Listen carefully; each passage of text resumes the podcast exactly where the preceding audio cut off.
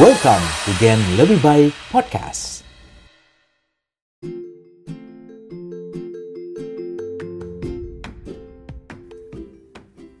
Assalamualaikum warahmatullahi wabarakatuh. Halo Gen Lebih Baik listeners. Ketemu lagi dengan saya Dian Nurliasari dalam episode Gen Lebih Baik Podcast.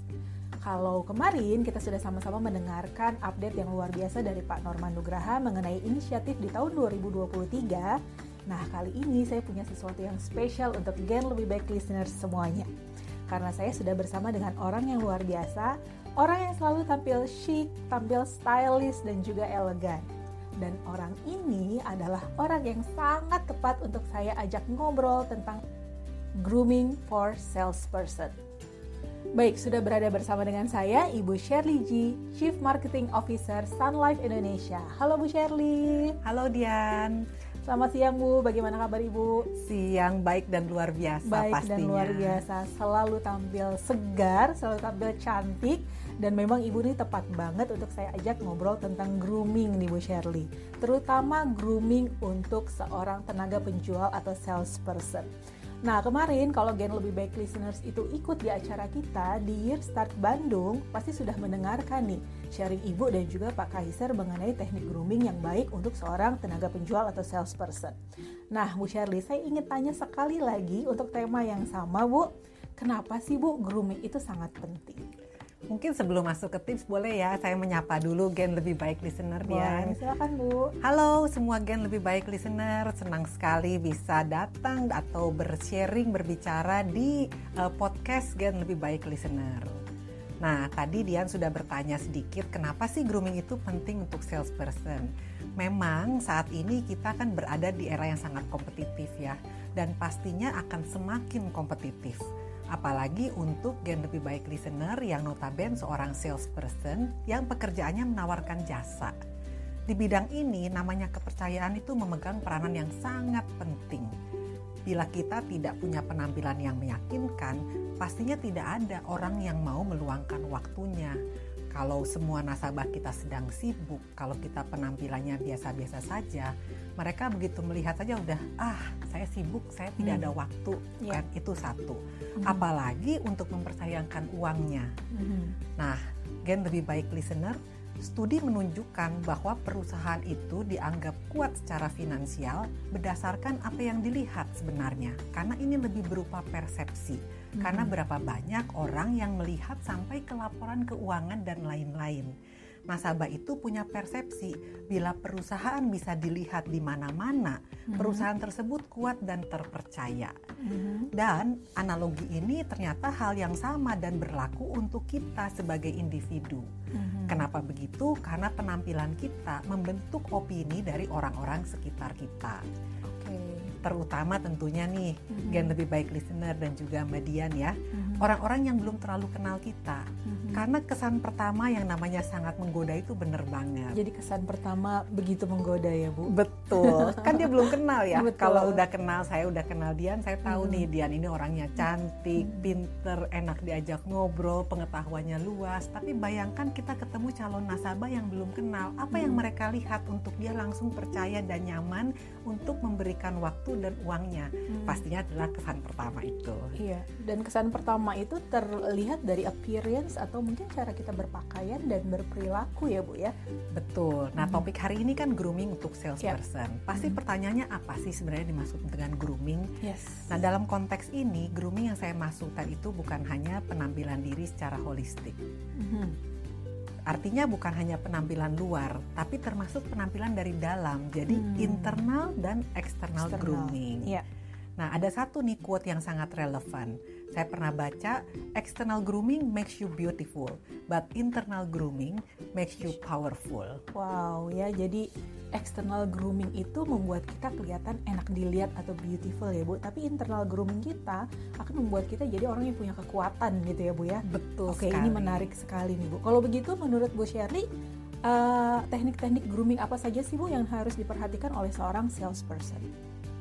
Nah, di kesempatan ini saya ingin share 5 teknik atau tips grooming yang akan sangat bermanfaat untuk salesperson.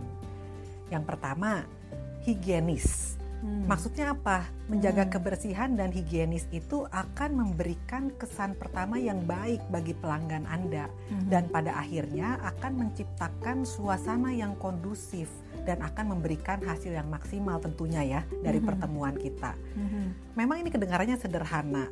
Pastinya kita semua berpikir ya, ya pasti saya udah bersih dong nggak mungkin nih keluar ketemu calon rekrut calon nasabah terus masa nggak mandi gitu ya udah pasti ya yeah. tapi bukan itu doang itu mm. saja nggak cukup jadi mm. tipsnya perhatikan juga hal-hal yang lebih mendetail dan kecil-kecil yeah. karena ternyata loh nggak disangka-sangka mm. nasabah atau lawan bicara kita itu memperhatikan mm. sampai mm. misalnya yang kecil ya kebersihan kuku ternyata dia lihat oh, gitu iya, betul, betul, pada saat betul, jabat betul. tangan apalagi mm. gen lebih baik listener kan pasti misalnya menyodorkan aplikasi kartu nama, kartu nama. Ya. begitu nasabah lihat ya kok begitu langsung drop gitu ya drop saya betul drop ya. shy betul apalagi rambut ya kalau yang wanita gitu. Kalau yang pria rambutnya rapi jangan dibiarkan gondrong. Dan ternyata kenapa nih industri perfume ternyata sangat maju? Karena memang yang namanya wangi itu penting juga. Betul. Dan bagi orang yang mungkin sensitif dengan penciuman ya bu ya bisa jadi tadi drop saya juga kalau dia mencium aroma-aroma yang kurang oke okay gitu ya bu. Iya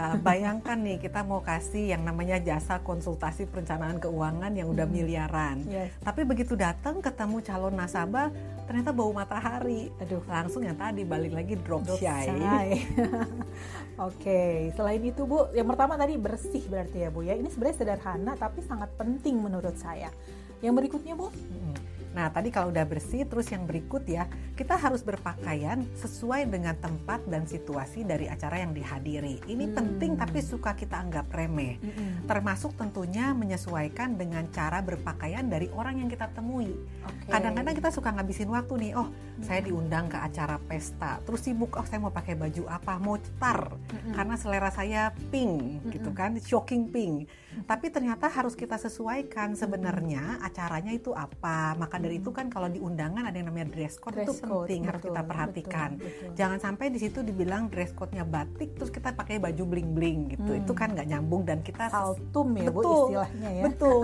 betul Dian saltum dan sebenarnya dari pihak yang mengundang akan merasa kok saya kurang dihargai. Ya, ya, itu. Ya, betul, betul, nah, betul. ini kedengarannya sepele tapi hmm. penting ya.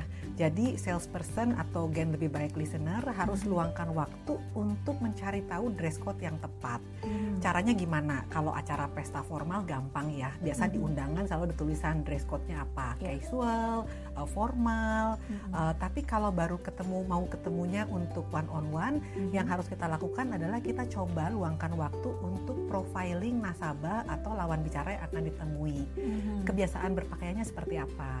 Okay. Misalnya Dian ada janji mm -hmm. ketemu salah satu uh, pemilik perusahaan. Hmm. Coba cari zaman sekarang gampang ya untuk profiling ya. Bisa hmm. cari dari sosial medianya ya. atau mungkin bisa tanya ke yang mengenalkan referensinya. Hmm. Hmm. Karena ini kenapa penting supaya tadi yang jangan saltum itu. Jangan saltum ya. Betul. Bayangkan okay. nih nasabah hmm. itu orangnya sangat casual walaupun hmm. dia misalnya direktur suatu perusahaan besar, tapi ya. ternyata yeah. kebiasaan dia casual. Nah, kita datang dengan jas lengkap. Mm-hmm. Itu kan jadi kan vibe-nya nggak nyaman ya. Yeah, yeah, Kayaknya yeah. jadi kayak sales panci gitu betul, ya. Betul. Itu.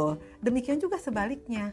Kita mm-hmm. datang terlalu santai hanya dengan jeans, sepatu sneakers, kemudian t-shirt. Ternyata begitu ketemu eh nasabah bajunya rapih, lengkap mm-hmm. dengan batik mm-hmm. formal. Mm-hmm. Nah, tentu saja kembali lawan bicara akan merasa nggak nyaman dan merasa oh saya sudah meluangkan waktu kok saya kurang dihormati.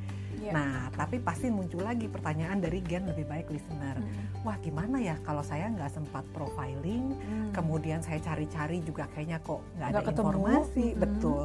Yang paling aman kalau ragu-ragu pakai batik. Karena, oh, batik udah paling aman betul, berarti ya Bu Shirley ya. Karena, karena ke casual dia masuk, ke formal juga dia oke okay ya Bu ya. Betul, oh, karena lebih baik. universal. Nah, ini tips yang uh, bagus banget nih gen lebih baik listeners dari Bu Shirley Kalau kita ragu ya, tadi Bu Shirley kasih tips tips pakai batik insya Allah itu akan aman gitu ya untuk kita ketemu dengan calon customer kita oke menarik nih Bu Nah, yang tadi udah dua tips ya. Sekarang udah yang ketiga. Tips. Yang ketiga berpakaian rapi.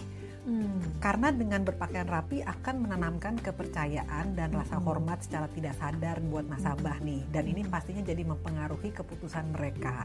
Kita suka males ya atau terburu-buru. Mhm. Saya sendiri juga sama, apalagi kalau sedang traveling nih. Kan baju udah dilipet-lipet, mau ketemu orang udah mepet, ada janji Mhm. temu. Wah, tapi kita harus luangkan waktu. Kalau memang ketemunya teman, ya nggak apa-apa. Ya. Tapi kalau janji temunya calon nasabah, pastikan baju kita sudah rapi, sudah Mhm. disetrika atau di Mhm. laundry, atau memang mudah saja bisa Mhm. pilih baju yang tidak mudah kusut. Kan Oke. sekarang banyak ya, ada Non baju anti ya, kusut. Bu. Ya, Bener. betul, betul, betul. Bukan cuma wajah ya Bu yang di anti aging ya. Ini baju juga Bener. anti aging Baju juga. anti kerut ya non wrinkle ya. Bener Oke, bener. oke, oke. Sekarang lagi tren tuh baju-baju bahan linen kan keren-keren Betul, ya, apalagi betul. untuk wanita pria juga. Nah Iya. itu disimpan aja dulu buat nanti liburan ke beach gitu. Oke, nah ini menarik sekali ya. Tadi Bu Sherly sudah sampaikan bahwa uh, grooming tadi nggak hanya uh, uh, eksternal, Eksternal. atau yang tampak dari luar gitu ya, tapi juga yang sifatnya internal. Wah, sangat menarik ya. Bu Sherly sudah berbagi mengenai teknik grooming yang harus diperhatikan oleh salesperson. Ada lima, tapi kita simpan dulu untuk sisanya di pertemuan kita di episode berikutnya Gen Lebih Baik Podcast. Sebelumnya saya ucapkan terima kasih banyak Bu Sherly atas waktunya. Kita akan ketemu lagi di episode minggu depan. Dan untuk Gen Lebih Baik listeners, terima kasih sudah mendengarkan Gen Lebih Baik Podcast. Jangan lupa ya untuk stay tune dan dengarkan episode berikutnya. Karena belajar nggak ada batasnya. Wassalamualaikum warahmatullahi wabarakatuh.